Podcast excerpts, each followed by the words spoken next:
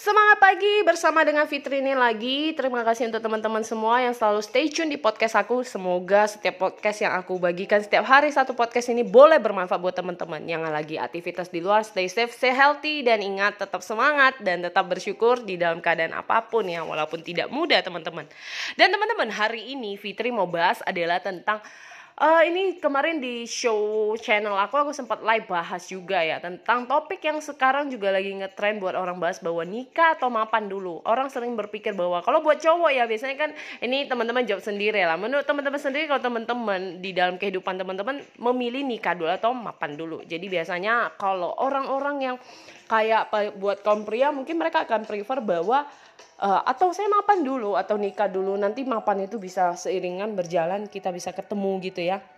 Nah teman-teman hari ini kalau buat saya pribadi bahwa sebenarnya kita nggak bisa bilang mau uh, nikah dulu atau mapan dulu yang mana benernya tapi sama-sama itu balik lagi ke putusan masing-masing.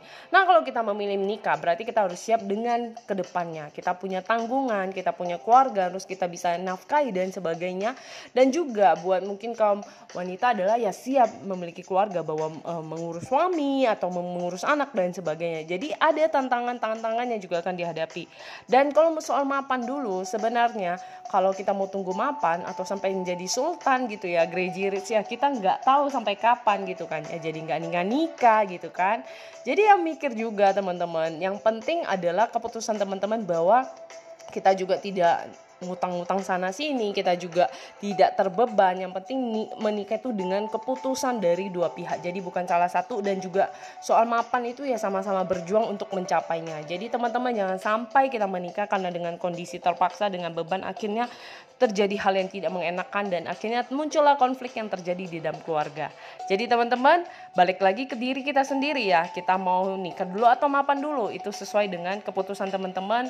Pastinya keputusan dari dua pihak teman teman-teman juga. Bukan hanya keputusan diri kita sendiri tapi dengan lawan dari pihak kita bahwa bagaimana dengan pasangan kita? Apakah mereka siap untuk menikah atau mereka juga mau sama-sama berjuang dulu?